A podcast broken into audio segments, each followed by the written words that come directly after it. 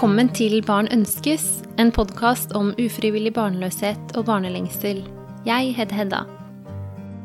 Denne episoden omhandler bl.a. et tema flere av dere har tatt kontakt med meg og etterspurt, nemlig mannlig faktor. En del av dem jeg har hørt fra om dette, har vært damer som har ønsket at jeg tok opp temaet for at partneren deres skulle kunne høre noe som kanskje kunne gi gjenklang for dem. Og derfor er jeg ekstra glad for at gjesten denne gangen er en mann som forteller om sine egne erfaringer. Trond forteller om hvordan han har opplevd det at han og kona Katrine har behov for IVF, trolig pga. lav spermkvalitet hos ham. Han deler bl.a. hvordan deres prosess har vært så langt, hvilke livsstilsråd han har fått, og hvordan det hele har påvirket ham. Jeg lytta også med stor interesse når Trond fortalte om hvordan og hvorfor han og Katrine har fordelt oppgavene i IVF-prosjektet mellom seg, slik at han alltid er aktiv og medvirkende i prosessen. Et eksempel til etterfølgelse, syns jeg. Og så forteller han hvordan en prat med en annen mann som har vært gjennom prøverørskarusellen, har hjulpet ham, og jeg syns det var så inspirerende å høre hvordan det å dele egne erfaringer kan hjelpe andre. Jeg blir alltid glad når dere tar kontakt med meg med ris, ros eller forslag. Når dere deler podden så flere kan finne den, eller legger igjen noen stjerner der dere lytter til podkaster. Jeg finnes på Instagram og Facebook under Barn ønskes, og på e-post på barnønskes.gmail.com.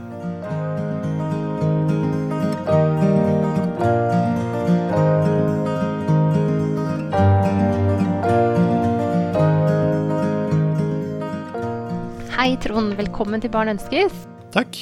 Eh, veldig glad for at eh, du takka ja til å være med, og at du har kjørt hele veien opp til meg i dag for å, for å fortelle litt om ditt perspektiv. Mm. Eh, vil du begynne med å fortelle litt om hvem du er? Det kan jeg gjøre.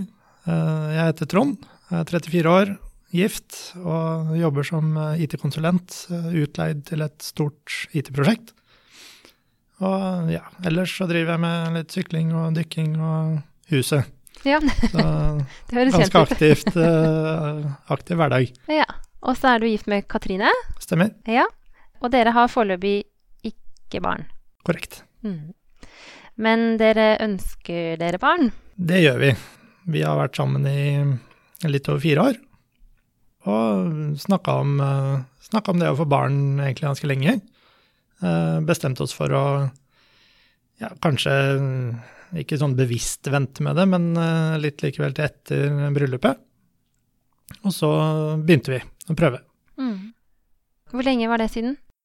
Eh, Ja, bryllupet er juni i fjor. Det er jeg veldig klar over når det var. Så var det jo like etter det, da.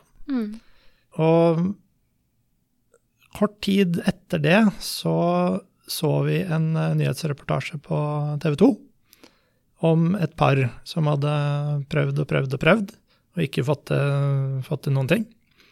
Og hvor han da til slutt gikk og tok en test, og fikk beskjed om at eh, her var det tilnærma ikke noe liv i det hele tatt.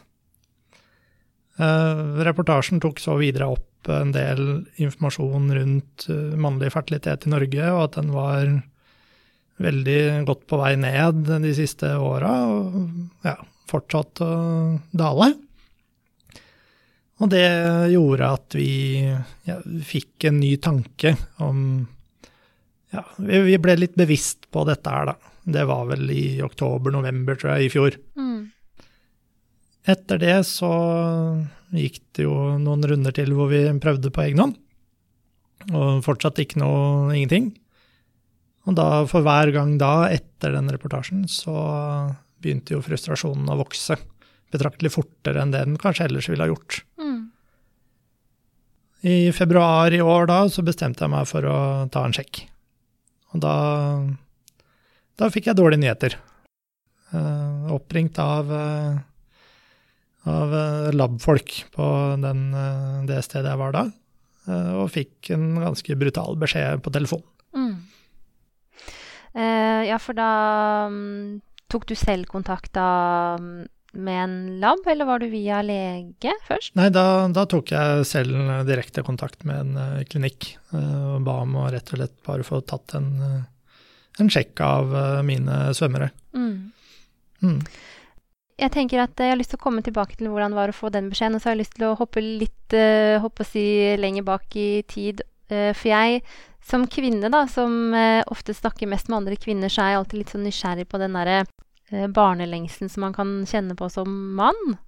Har du f.eks. alltid visst at du ønska deg barn? Det har nok vært Barneønsket har nok vært der i mer eller mindre grad hele veien. Mm. Eh, siden det var noe man tenkte på. Eh, men eh, ganske tidlig så har jeg visst at jo, jeg har lyst på barn. Mm. Det har vært ja, en viktig faktor midt oppi alt sammen. Mm. Hvordan, hvordan, ser liksom det barneønsket ut for deg? Er det, forestiller du deg hvordan det kommer til å bli, eller liksom Det er jo et, særlig etter at Eh, en del eh, venner og eh, familiemedlemmer på, holdt jeg på å si, samme alder, pluss minus, har fått barn underveis og stifter familie og, og ser hvordan de har det. Hverdagen og selv det strevsomme, men også mye av det som er ufattelig koselig, virker det som. Mm. Jeg kan jo ikke si at det er det, men det virker sånn i hvert fall. Mm. Det er noe, noe jeg har hatt lyst på det familielivet og eh, selv vokste opp i en familie med altså en storesøster. Og kan liksom ikke helt se for meg da kanskje et familieliv uten. Eh, at det har vært, vært noe som har vært der lenge, da. Mm, den, nærmest en selvfølge at en eller annen gang så skal man ja. Eller så skal du komme dit. Ja. Mm. Det, ja, en selvfølge, sier du, men eh, ja, en, en slags selvfølge at dit kommer vi ja. en eller annen gang. Den, den, har jo vært der tidligere. Den uh, ikke fullt så mye nå. Nei, for den uh, I hvert fall opplever jeg med meg sjøl at uh, før vi var i en situasjon med infertilitet, så det med å få barn trodde jeg var en selvfølge mm. helt til det ikke var det lenger. Ja. Var det sånn for deg òg? Ja, det, det, var det. Og mm. Og da Ja, alle andre man kjenner som har lyst på barn, de får barn. Så da tenker jeg, har jeg jo tenkt underveis sjøl at jo, men da får sikkert jeg det også, da. Ikke sant. Men um, hvordan var det da når du fikk en telefon med en beskjed uh, med det prøveresultatet? Det var, uh, det var tøft. Det var uh, Jeg husker jeg satt Jeg hadde hjemmekontor den dagen. Eh, så jeg satt eh, hjemme og venta på telefon. Eh, fikk jo beskjed om at jeg skulle få svar i løpet av den dagen. Så jeg hadde jo vært innom byen og hjem igjen og satt og venta. Og da jeg ble ringt opp, så fikk da tallene veldig sånn teknisk lest opp og klinisk og ikke noe ikke noe cotton candy rundt, liksom. Nei. Da ble jeg litt lamslått, og jeg satte meg ned i trappa og bare visste ikke opp eller ned på noen ting. Nei. For da hadde jeg fått, uh, fått beskjed om at uh, kvaliteten er lav. Dårlig med aktivitet, og de svømmer ikke så godt og i det hele tatt. Så her vil dere trenge hjelp, men det skal gå greit med hjelp, sa den første klinikken jeg var på. Mm. Uh, like fullt en veldig tung beskjed å få. Uh, men han klamra meg fast til nettopp det han uh, da sa, med at vi kunne få det til med litt hjelp. Mm. Hadde du tenkt tanken før det? Hadde du googla noe med, rundt IVF, eller hva som ville være veien videre hvis du fikk det prøveresultatet, eller begynte du å tenke de baner først når du fikk det svaret? Vi, og dette har jo vært et vi-prosjekt hele veien, uh, har vel gjort oss litt kjent med hva som finnes. Men ikke noe veldig stor grad i februar, som da var første, første testen jeg tok. Mm. Fordi at vi da, fram til det svaret forelå, så var det ikke et problem enda. Så da var det heller ikke noe vits i å bruke mye energi på å undersøke dette her, da. Nei, ikke sant. Nei, for det er jo uh, ganske vanlig at det tar litt tid også, så det kunne jo bare være at, uh, at dere trengte litt mer tid? Absolutt. Og det, det var jo det ja, alle leger og alle Det er jo det vi kanskje hadde googla oss fram til, da, at vi Nei, i hvert fall et år Mm. må vi gi det et godt og ærlig forsøk, liksom. Men den, eh, ja, tilbake til den reportasjen i, fra TV 2, da, så hadde vi ikke tålmodighet til det. Nei. Hvordan var det da å fortelle til Katrine om prøveresultatet? For da hadde jo du fått når du var hjemme alene. Mm. Det var egentlig ikke noe problem i det hele tatt. Eh, fortelle sånne nyheter, det, det gjør vi. Og det må jo gjøres. Eh, selvsagt tungt å, å formidle det, for budskapet er jo, er jo tøft for oss begge to. Men eh, det Ja, ikke noe tungt sånn sett å fortelle henne det. Men eh, tungt å høre det Ja. og bli klar over det.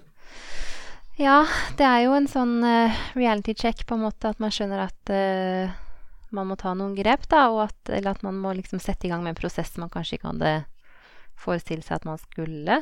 Mm. Mm.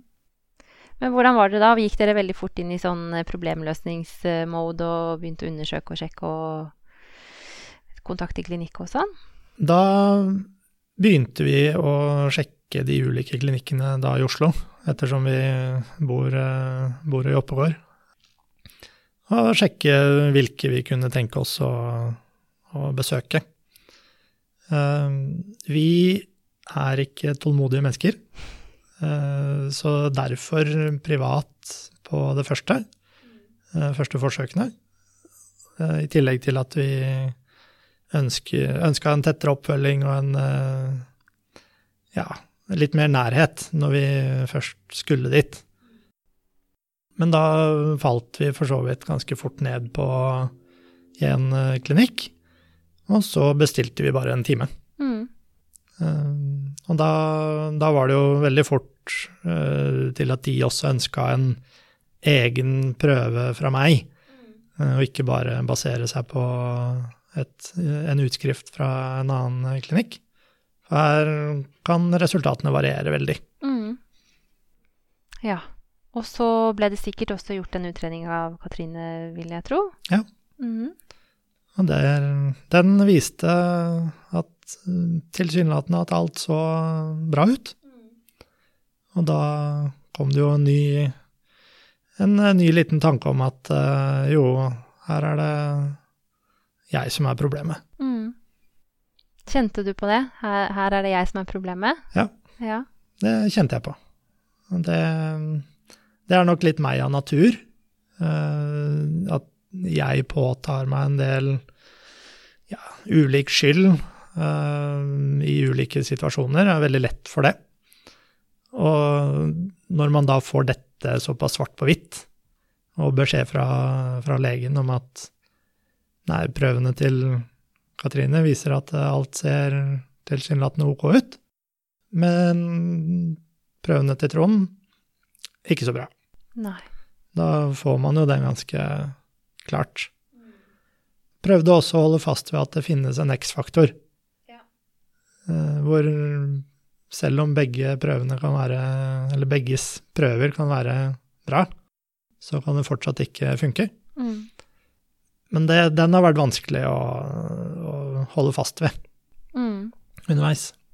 Nå kan jo du bare snakke for deg selv, da, og ikke for alle menn, men eh, er det en sånn Jeg har liksom hørt andre si det der med at eh, mannlig faktor kan gå litt sånn på Hva skal jeg si eh, Maskuliniteten løs, eller at man som mann kan kjenne litt på det der med eh, Jeg skal jo liksom fikse dette som mann. Kjente du noe på det? Ja, det, det gjorde jeg. Jeg kjente at dette var eh, eh, Sagt det mange ganger, men jeg syns det høres like dumt ut hver gang. Men det var et slag på manndommen. Ja. Eh, Det var det. Og det var ja, tøft å innse at, eh, at eh, kvaliteten fra, fra meg ikke var god, og at jeg som mann ikke lever opp til den oppgaven. Mm. Det har vært en tøff tanke å, å bære på. Jeg tror jo um, ja, det kan være sånn for kvinner også. Hos oss er det jo kvinnelig faktor, og jeg kan også kjenne litt på den um, At uh, det burde jo fungere, på en måte. Ja. Men uh, jeg har liksom litt inntrykk av at for en del, eller i hvert fall for noen menn, så kan det være ganske sånn At det kan oppleves veldig jeg vet ikke om jeg skal si personlig, eller at det på en måte Ja, at det er som du sier, et slag på manndommen, da. Som jeg tenker er litt viktig å snakke om òg, sånn at man skjønner at man ikke er alene om å oppleve det sånn. Absolutt. Jeg tror dette her er veldig viktig å snakke om, og, og fra en For de av dere som lytter på, som har sett mye på Friends, Mm.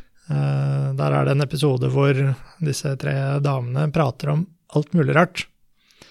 Også sexliv og andre ting. Mens eh, gutta rynker på nesa og skjønner ikke hvorfor man deler sånne ting. Det tror jeg er ganske satt på kornet også i dag. Og det gjør at det også blir vanskeligere for mannfolk å prate sammen om dette her. Eh, Og man treffer ja, Treffer ikke liksom Man prater ikke om dette med kompiser. Nei. Eh, Selv om man har nære kamerater og bestevenner eh, i lang, lang tid, så er dette kan, kanskje eh, noe som det ikke er så lett å prate om i det daglige. Men uh, burde være enklere, tror jeg. Mm. Ja, det er jeg helt uh, enig med deg. Jeg, jeg tror liksom den At det er litt lettere tilgang for oss uh, damene på å finne seg et fellesskap gjennom forum, eller det, Jeg er jo medlem av en Facebook-gruppe, f.eks., um, for de som holder på med prøverør, og det er jo veldig mange kvinner.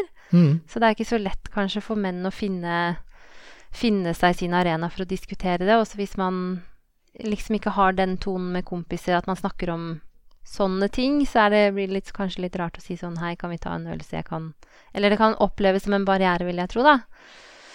Selv om jeg vil jo tro at veldig mange kompiser, hvis man hadde strukket ut den hånda, hadde sagt selvfølgelig, det kan vi gjøre. Ja, jeg eh, Dette her er jo noe jeg da har snakka med, med mine kompiser om, Mm. fortalt om. Det er jo ikke noe annet enn støtte å finne. Eh, og det Men nettopp det at det kanskje ikke har vært prata om sånne temaer tidligere, gjorde jo at det var tøft å fortelle. Eh, men når det først var fortalt, så var det litt befriende, egentlig. Mm. Og, og føltes umiddelbart ganske trygt. Men kan du kjenne at, eh, at det er noe fint i det også, sånn i et vennskap å, kunne åpne seg om noe som er så, så nært? Jeg må, jo- Absolutt. ja, må jo se for meg at det også kan være godt å liksom ta vennskapet til et litt nytt sted, da. Ja, Det, absolutt. Ja. Ja, men da Da hadde dere altså vært gjennom noe utredning og en ekstra prøve, og så hva skjedde så? Nei, videre så eh, så var du i gang med første forsøk. Og da Før vi, før vi starta med dette her, så fikk vi jo da beskjed om at vi burde, burde forsøke med ICSI. Mm. Uh, nettopp på grunn av min kvalitet. Og det tenkte vi, ja, men da, da gjør vi det. Vi, vi stoler på klinikken og det de anbefaler, og, og kjører på med det. Mm. Og da var det for, første forsøk i, i mai. Med mm, setting av sprøyter, hvor jeg har litt erfaring fra tidligere avbrutt sykepleierstudie. Ja. Så da no- kunne du være en god eh, støtte ja i det? Noe erfaring hadde jeg med det. Var det du som satte sprøytene, eller? Eh, til å begynne med så satte jeg de første, Ja. og så fortsatte Katrine selv med de, de pennene. Ja. Men jeg satte disse, nå husker jeg ikke navnet på de i farta, men der hvor du skal Trekk trekke, trekke sprøyta litt tilbake. Mm. Alt det gikk veldig fint. Vi begge to venta litt på en hormonell forandring og reaksjoner og humørsvingninger. De kom aldri. Nei. Vi ble litt overraska over det, Ja. men positivt, selvsagt. Ja. Og det er fint at du sier det òg, fordi at eh, jeg tror det varierer jo veldig, ikke sant. Så det er jo greit at man, man kan være litt forberedt på det, og så eh, trenger man ikke å grue seg liksom så mye. Det er ikke sikkert at det blir så gærent. Nei, og da ut ifra uh, din egen podkast, hvor jeg har hørt uh, det ene og det andre, så hadde jeg liksom stålsatt meg litt for dette her. Ja. Men det, det ble aldri sånn. Nei. Uh, det, det satte vi pris på.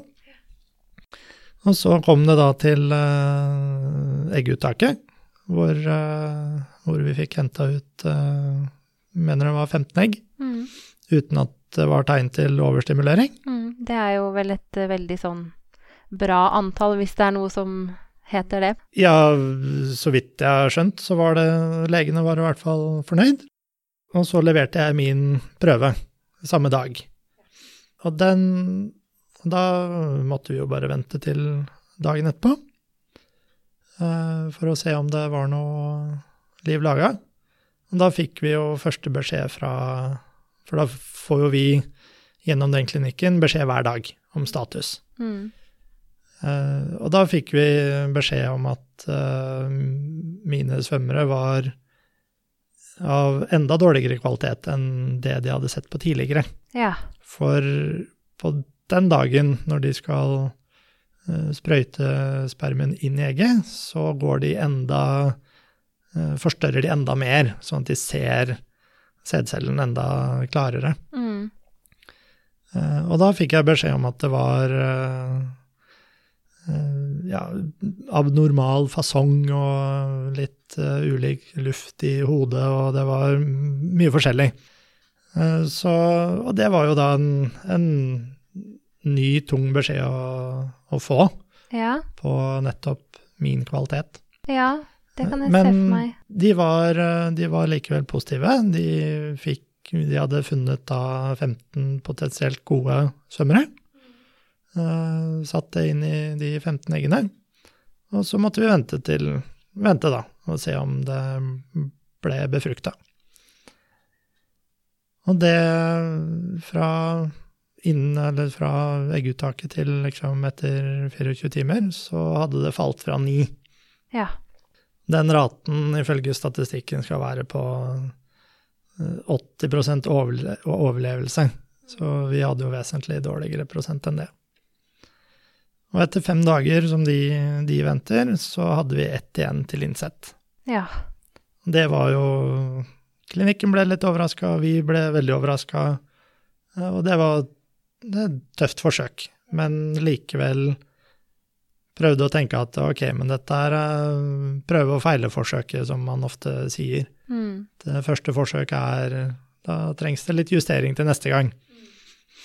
Men litt vanskelig å slippe likevel, med at kvaliteten min var ytterligere forverra enn det man hadde trodd til å begynne med. Og så gikk det jo litt tid, og så skjønte vi at det ikke hadde funka. Mm. Så, så var det forsøket over. Ja. Hva kjente du da? Vi hadde nok, basert på det vi hadde fått vite dag for dag underveis, blitt litt forberedt på at det ikke kom til å skje. Mm. Nettopp fordi at kvaliteten var kanskje ikke helt der den burde være. Mm. Men uh, Så det, det, var ikke noe kult å få høre, selvsagt. Men vi hadde nok uh, stålsatt oss for det ganske greit. Mm. Det hadde vi. Ja, det, kan, det, kan, jeg skjønne godt at dere gjorde da. Uh, og at det er jo liksom noe med Hvis man justerer forventningene litt, så blir kanskje nedturen litt uh, mildere òg. Og så samtidig så er det jo Man har jo liksom hatt noen forhåpninger og gått gjennom en måned med Klart. Med opp, liksom bygd seg opp til det, da. Ja. Mm -hmm. Altså vi har, som du sier, vi prøvde nok å holde forventningene ganske lave uh, hele veien. Vi ba om å få vite fakta, og så skulle vi styre forventningene selv. Ja. Og det gjorde nok at vi, i hvert fall etter første forsøk, ikke krasjlanda så hardt som vi kunne ha gjort. Syns du at uh, dere fikk god informasjon om uh, håper jeg, fakta? Ja, det gjorde vi. Uh, har også hatt uh, har, De har en uh, døgnåpen telefon vi kan ringe til. De har, hvis vi har bare spørsmål om ting vi lurer på, så kan vi sende mailer og SMS, og så får vi svar. Ja. Så vi, vi kan ringe i kontortid og stille alle de spørsmålene vi får underveis, og få svar med en gang. Ja, så godt. Ja. Ja. Så det, det også er jo noe av fordelen med Tror jeg, da. Nå har ikke vi vært i det offentlige ennå, men, eh, men at det, det er en tilgjengelighet der Ja. som er veldig god. Ja, det høres veldig godt ut. Mm.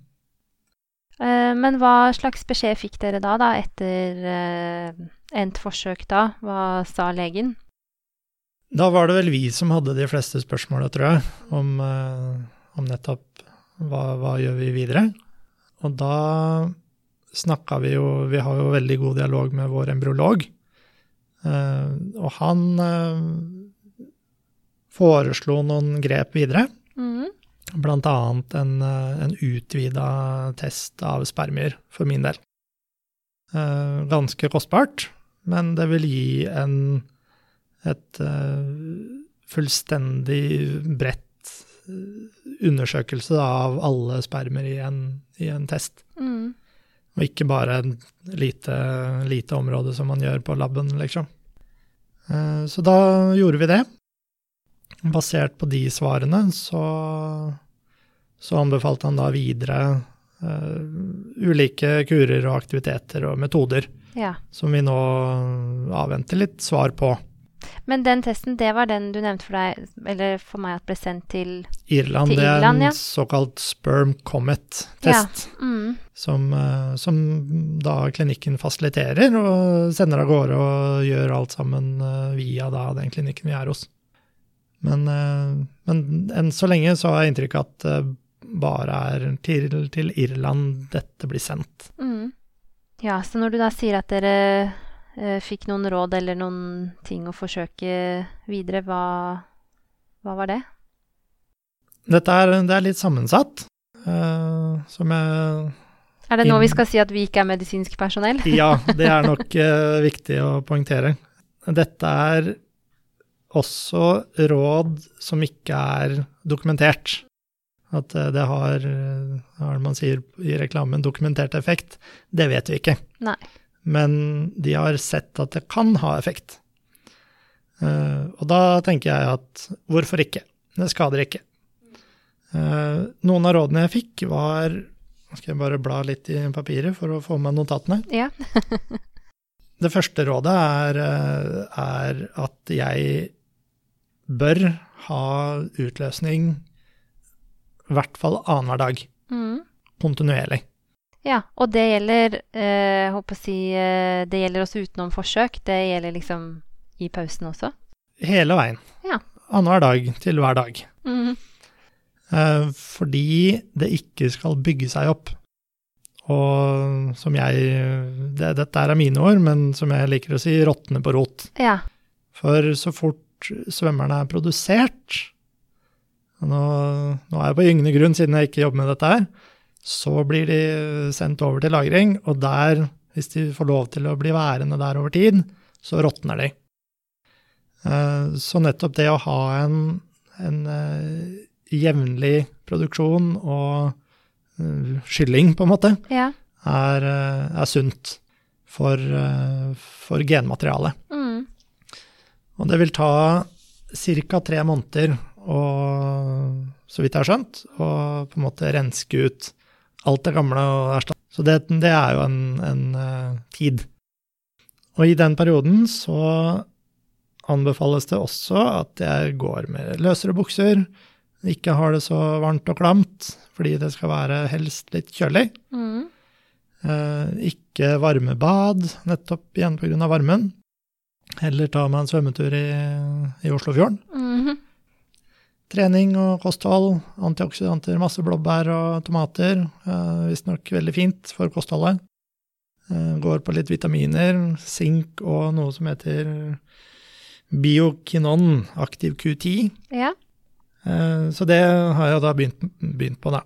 Eh, I tillegg så er det regelmessig mosjon og, og ja, livsstil, litt sånn livsstilsendring. Ikke røyking, helt sikkert. Ikke røyking, ikke altfor mye alkohol, ikke overdreven mengde kaffe. Men heller ikke stresse på disse punktene. For stress er også en faktor. Ja, fordi eh, eh, jeg blir litt nysgjerrig på om du kjenner at eh, det kan stresse deg. Fordi jeg er nemlig litt sånn at hvis jeg føler at jeg mm, liksom gjør veldig mye for fertiliteten, så føler jeg at uh, Eller så kan jeg bli litt sånn stressa av det, eller at jeg liksom syns at uh, Hva skal jeg si At eh, innsatsen blir så høy, eller at jeg opp, har veldig stor oppofrelse eller sånn. Kan du, kjenner du på det, eller syns du at det er helt kurant? Kaffen har jeg redusert, det er ikke noe problem. Nei. Uh, Det har jeg gjort flere runder før. Alkoholen, der etter at Katrine ble sammen, så har alkoholnivået gått eh, drastisk ned. Mm. Så vi føler ikke at det er noe stort problem. Jeg tar fortsatt en, en øl i ny og ne hvis jeg har lyst på det, eller eh, ute med venner, eller eh, Det er ikke sånn at jeg da begrenser meg fullstendig og blir avholds. Nei. Men jeg, jeg tar kanskje ikke en øl hjemme aleine. Den hopper jeg over. Og det er heller ikke noe Det er heller ikke noe stort tap. Nei, ikke sant. Det er ikke noe tap i det hele tatt, for så vidt for min del. Så, så nei. Kostholdet har vi endra litt på, det, det har bare vært fint. Det å ta vitaminer hver dag, som jeg ellers ikke har pleid å gjøre, det ja ja. Det, det er bare en del av morgenrutina. Så, det, så for min del så har det ikke vært noe store, store endringer sånn sett. Nei. Det høres jo også ut som råd som eh, eh, som håper jeg stemmer godt overens med sånne generelle helseråd, på en måte. At Ja. eh, det kan godt hende at man eh, Burde fulgt disse rådene Ja. uansett. Ja, ikke sant. Og Ja. kanskje få litt ekstra energi av å spise litt ekstra grønt og trene litt mer og ja. Har vel kanskje ikke følt nevneverdig mye på det, men eh, Nei. Nei, jeg skjønner. mm. Mm. Så, og, så nå holder du altså på med Eller nå er dere i den tremånedersperioden hvor du Ja. Hvor jeg også venter på time til en urolog og en uh, litt sånn andre undersøkelser som også skal på plass. Ja. Men samtidig da særlig da vitaminer og uh, den tremånedersperioden, da. Ja, men da tar man uh, Ja, for da blir det noen nye tester når du har hatt den livsstilen en Det, det har vi blitt enige om at det skal vi komme tilbake til. Så helt hva som eh, skjer videre, det, det vet jeg ikke. Nei. Eh, Alt jeg vet er at vi har løpende dialog med klinikken vår og med embryologen vår. Og da får vi veldig god veiledning eh, underveis, Ja. og også oppfølging.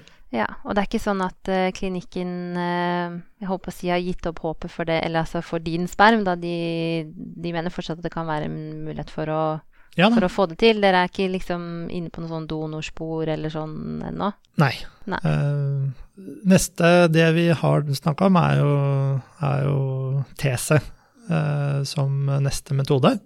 Men det også avhenger av hva en neurolog sier, og hva nye prøveresultater viser, og, og den, disse vitaminkurene jeg går på, litt sånn. Ja. Og det er når man henter ut eh, sædcellene fra Henter ut igjen, ikke medisinsk personell her, altså, eh, genmateriale rett fra testikkel. Ja, som en nål, egentlig. Eh, det tror jeg er den som heter TESA, Ok. for det, den A-en står for eh, aspiration. Ja.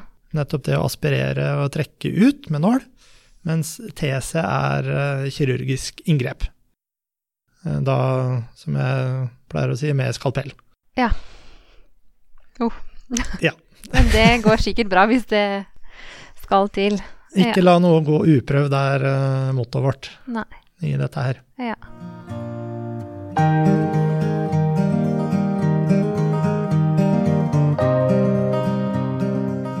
Men hvordan uh, har du det med dette nå, da? Er det noe du tenker mye på?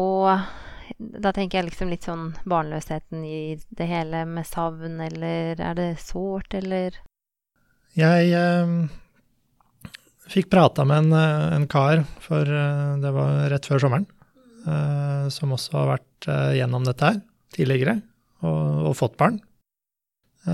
Ikke samme situasjon som for min del, men likevel i, gjennom prøverør. mm. Og han uh, sa til meg uh, bare aksepter at ting er som de er. Du får ikke gjort noe med det, annet enn eventuelt å følge de rådene du får fra legen. Men ting er som de er. That's it. Ja. Og det, det har hjulpet meg.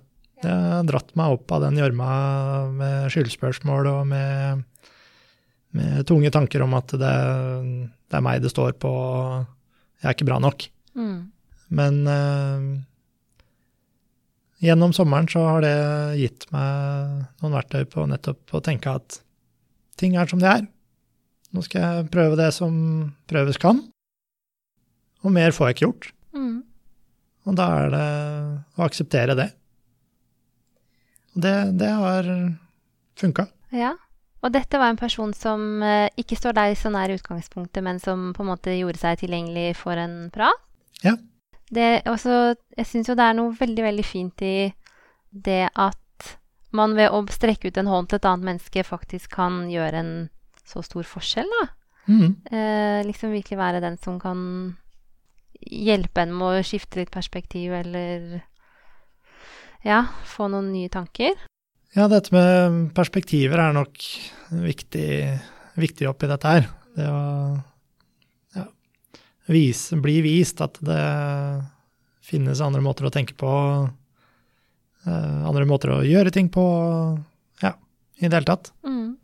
Og tenke at sånn er livet, og akseptere det og gå videre. Eller grave deg ned og ikke ha det noe bra. Og sistnevnte er eh, Det er ikke noe bra. Nei. Det, det er en tung eh, gjørme å komme seg ut av. Ja. Kan du, eh, kan du kjenne noe på sånn misunnelse eller sånn sårhet når andre Hvis dere har noen som har fått barn rundt dere nylig, eller blitt gravide eller sånn? Eller kjenner du ikke så mye på det? Det har nok vært der til en viss grad tidligere i Altså tidlig våres. Mm. Men den er utelukkende vår, eller min. Eh, For vi er veldig glad i de barna rundt oss. Og unner alle sammen alt godt. Så kanskje ikke misunnelse, men mer en tristhet over å ikke få det til sjøl.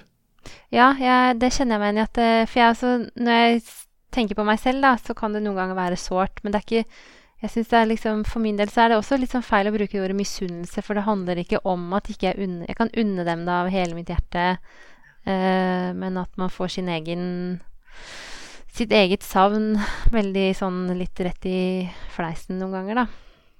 Ja, da, da hender det at det kan komme noen reaksjoner litt spontant i ulike settinger. Det være seg ja, når man får, eh, får høre om at eh, et vennepar skal ha et nytt barn, eller ulike, ulike settinger, Mm. så kan man få en uventa reaksjon fra en sjøl, som kan virke som eh, Altså, det kan virke for da andre at dette skulle vi liksom ikke ha fortalt. Nei.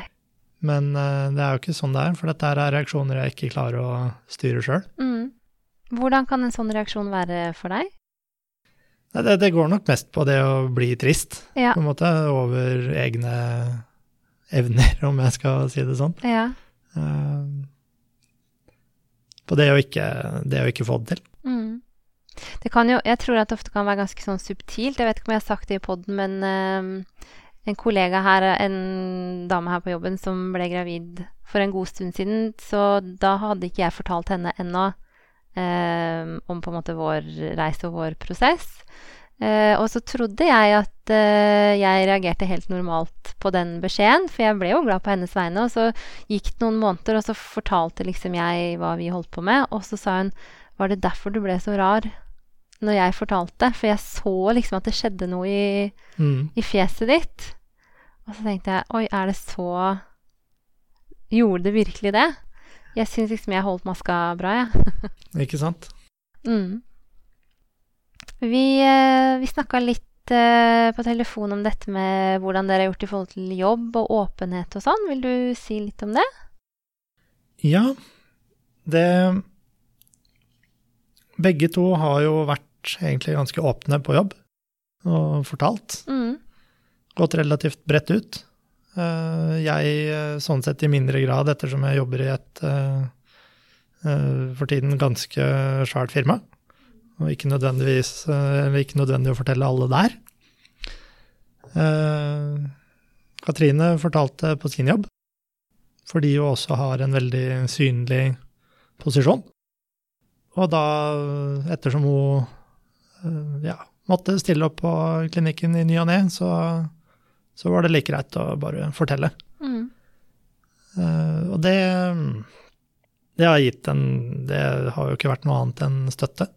Og, og gode tanker og gode ønsker, og, men også gitt oss en takhøyde som har vært, blitt høyere enn det vi kanskje trodde det kom til å være. Mm.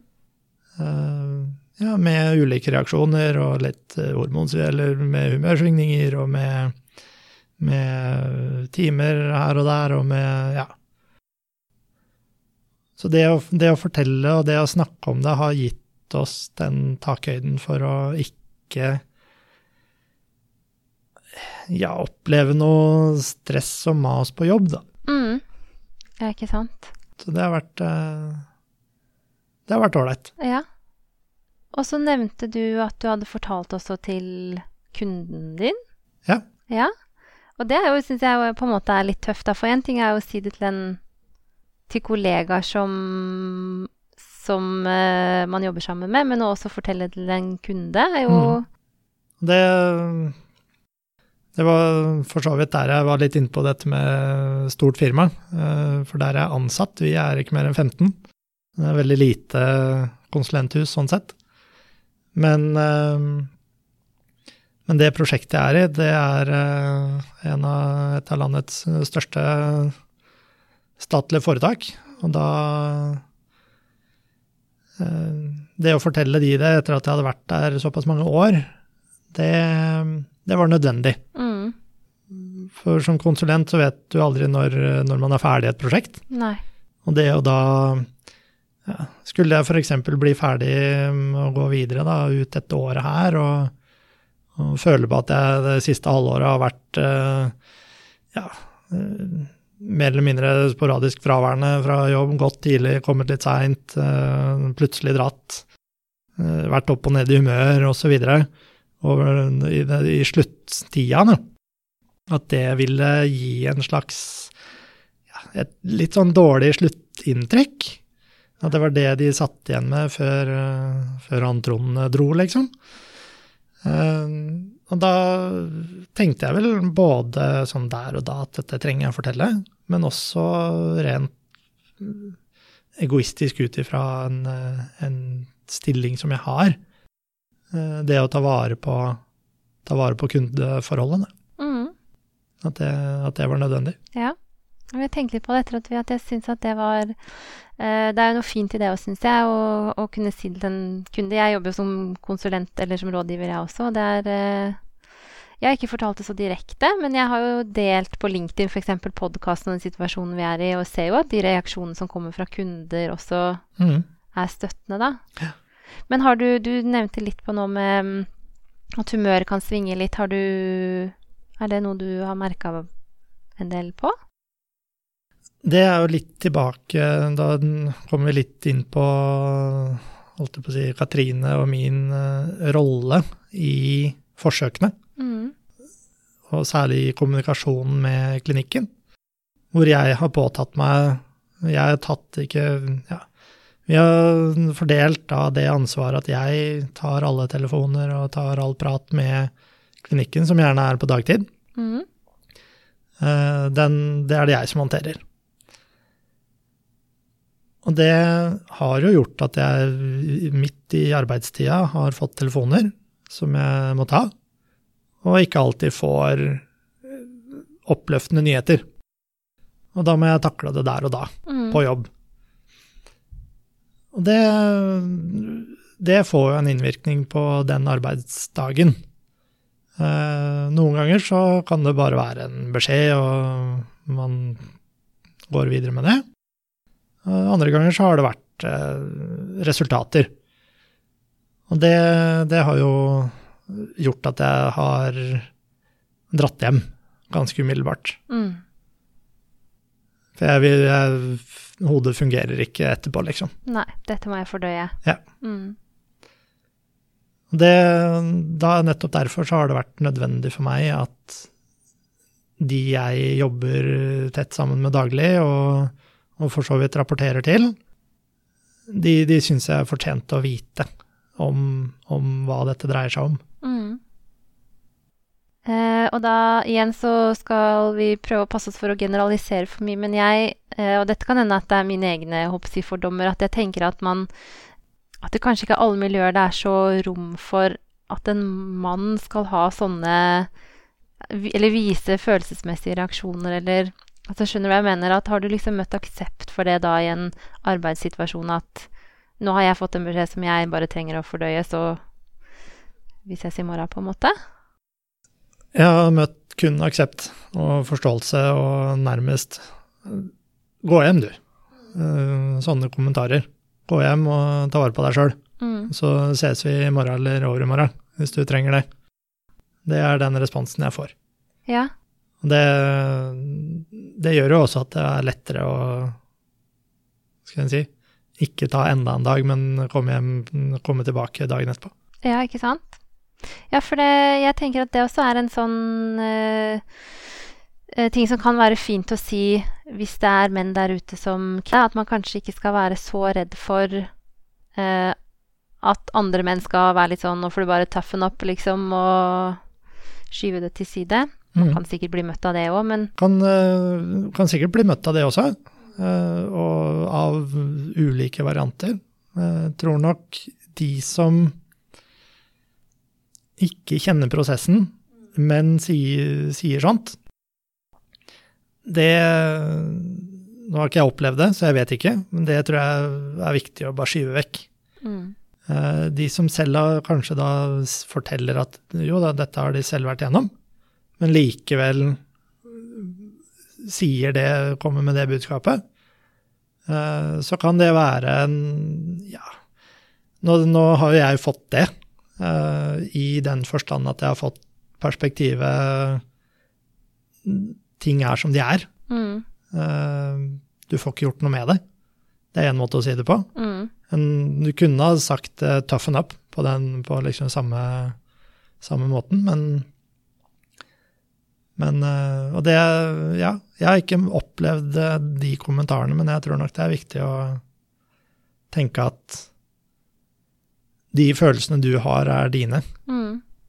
Hva andre sier, det, det får være deres greie. mm. Men øh, hvis, hvis du føler at det er riktig å fortelle til noen på jobb eller til andre, så er det det du skal gjøre, mm. tenker jeg. Ja. ja, jeg er liksom veldig sånn um, forkjemper av det å tørre å vise sårbarhet. Mm. Uh, selv om man kanskje også er i et miljø hvor det ikke er tradisjon for det. Men jeg skjønner jo at man kjenner jo på en måte sin egen arbeidskultur, og, eller også vennegjeng eller familie, eller man kjenner jo omgivelsene sine Ja. sannsynligvis best. Men jeg tror liksom vi skal ikke være så redde for det der med å si nå Akkurat nå så har jeg det tøft, Mm. og så tipper jeg det er bedre i morgen, liksom. Ja, nei, det tror jeg er, det tror jeg er viktig å være, være litt åpen om. Mm. Du nevnte jo nå litt eh, det der med at eh, du har tatt ansvaret for dialogen med klinikken, og det snakka vi litt om på telefon òg. Jeg var litt nysgjerrig på mm, ja, litt hvordan dere har tenkt om eh, det med håper jeg, ansvarsfordeling for prosjektet. Ja, nei, vi, eh, vi gjorde det vel egentlig ganske enkelt. Katrine gjør det hun må gjøre.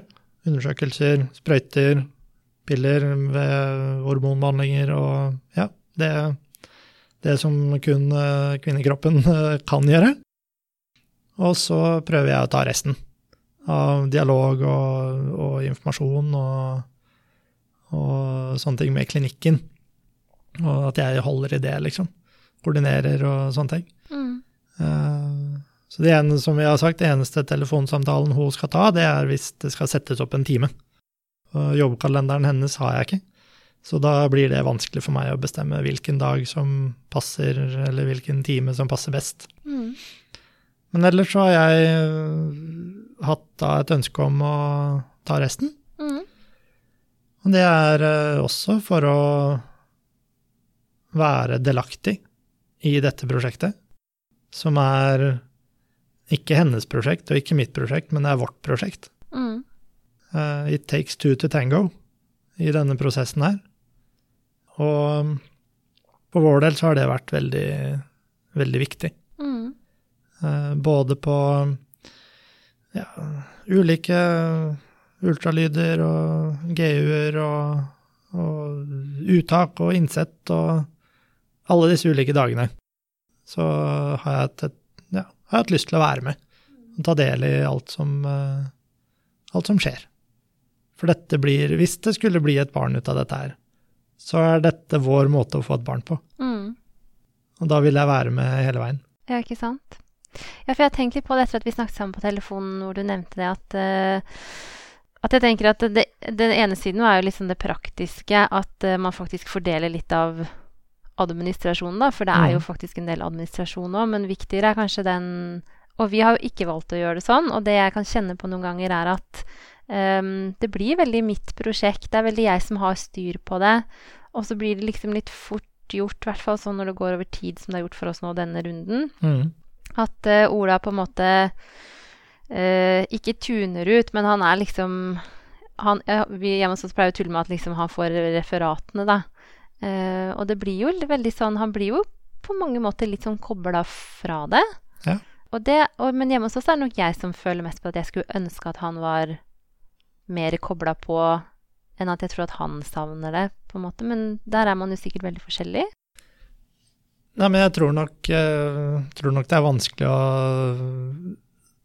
savne noen, noe man ikke vet hva er. Nei, ikke sant? Hvis vi nå plutselig bytta om på rollene, Katrine og jeg, eh, at eh, jeg bare trengte å stille opp eh, og avlevere mine svømmere, og that's it, det ville blitt veldig rart. Mm. Da hadde jeg plutselig Da hadde ikke jeg vært en del av det lenger. Nei, ikke sant? Så når jeg først har eh, vært en så stor del av det hele veien, så vil det for meg være veldig unaturlig å, å miste en time, da. Mm. Som jeg kanskje fort kommer til å måtte gjøre fordi jeg ja, enten er bortreist eller på et eller annet kurs eller et eller annet seminar eller noe sånt. Så hender det at det kan skje. Men så sant det lar seg gjøre, så, så vil jeg ikke gå glipp av noe. Nei. Og så tenker jeg for oss er vi kjører til Oslo, da, sånn at eh, der, der er det noe sånn praktisk i forhold til jobb og barnehagehenting og liksom ta fri en hel dag, begge to er litt krøkkete. Men bare det der med mm, Jeg har liksom fått Ola til å ringe klinikken én gang fordi jeg hadde et møte, og så måtte vi ringe akkurat den dagen. Og så er det jo telefontider på Rikshospitalet. Men da hadde jeg skrevet manus. Da sa jeg sånn Det her er det du må si. Fordi han kjenner jo ikke syklus eller Og det gjør jo på en måte at han ikke blir så involvert i hva skal jeg si Liksom eh, den gangen i det, eller Han er jo med på alle uttak og på alle innsett, men allikevel så er det Han vet ikke helt eh, Altså, det er jo han som alltid spør meg Ja, når tror du det blir innsett? Nei, så jeg tipper det blir liksom i uke 42. Ja. Men han har ikke peiling på hvordan han skal kunne vite det selv, eller han blir, Det blir veldig sånn at jeg blir et sånn filter, da. Så jeg syns det er veldig fint sånn som dere har gjort det. Og så tenker jeg at kanskje et tips til de som står litt i startgropa, at hvis man ønsker å være bevisst på det her med felles prosjekt, så er det jo en veldig konkret måte å gjøre det på. Da tror jeg eh, at jo mer han får bidra med, jo tettere blir det Mm. underveis. For jeg har nok mer eh, detaljkunnskap om både syklus og andre, andre ting enn eh, det virker som om da kanskje Ola har. Mm. Eh, nettopp fordi at det er jeg som har all dialog, og jeg forteller, informerer klinikken om uh, syklusdag og om det ene og det andre. Mm. Og da, da vet jeg jo det. Og det, jeg skriver også manus før jeg skal ringe, men det er stort sett jeg som skriver det for å huske alt jeg skal spørre om. Mm. Men det er også basert på en diskusjon oss imellom. Eh, så hvis det er noen spørsmål Katrine har, så må jeg passe på å få med det. For det, vi har nok eh, Vi har underveis hatt ulike eh, spørsmål som vi ønsker å stille. Da er det viktig for meg å få med hennes også. Mm. Og da, på den måten, så så føler jeg at jeg har ganske god hold på det som skjer. Mm. Nøyaktig hvilken uke eller dag, det må jeg nok sette meg ned og regne, ut, regne litt på, men, eh, men eh, relativt grei oversikt har jeg fått. Mm. Jeg syns det, er- ja, synes det er veldig fint. Nå ser jeg at eh, vi nærmer oss en time, men er det noe du ikke syns at vi har fått snakka om som du syns er viktig å få si, eller er det noe du vil si til andre der ute? Andre menn, kanskje særlig? Jeg Tror nok eh, det viktigste til hvis det er andre menn der ute som, eh, som eh, ja, sliter med å sette ord på følelser og, og som står i en sånn situasjon som dette her, så er det snakk om det. Mm. Og på det, ta gjerne kontakt med, med meg. Og, eller andre man kjenner eller kommer forbi som har vært gjennom det, eller noe sånt. Og i hvert fall begynn med å, å lytte til den du ønsker å lytte til. For da kan det være at du får et litt annet perspektiv. Mm. Eh, Vi syntes i starten det var vanskelig å høre andres historier. Det var litt sånn Det var irrelevant for vår setting, fordi at dette var vårt. Men hvis eh, Nå sånn litt i ettertid, så er det hvis man sliter med å sette ord på Hvis man har det tøft, så prøv å få et annet perspektiv fra noen andre. Mm. Det tror jeg kan være viktig. Mm.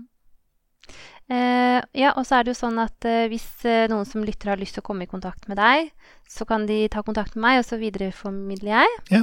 Mm. Eh, så bra. Da tror jeg vi er igjennom eh, de spørsmålene som jeg hadde. Så da må du ha tusen takk for at du ville komme og fortelle om ditt perspektiv. Også, Bare hyggelig. Og så ønsker jeg dere veldig lykke til med det som kommer. Tusen takk. Så håper jeg at det lykkes. Det, det håper vi òg. Mhm. Takk det samme.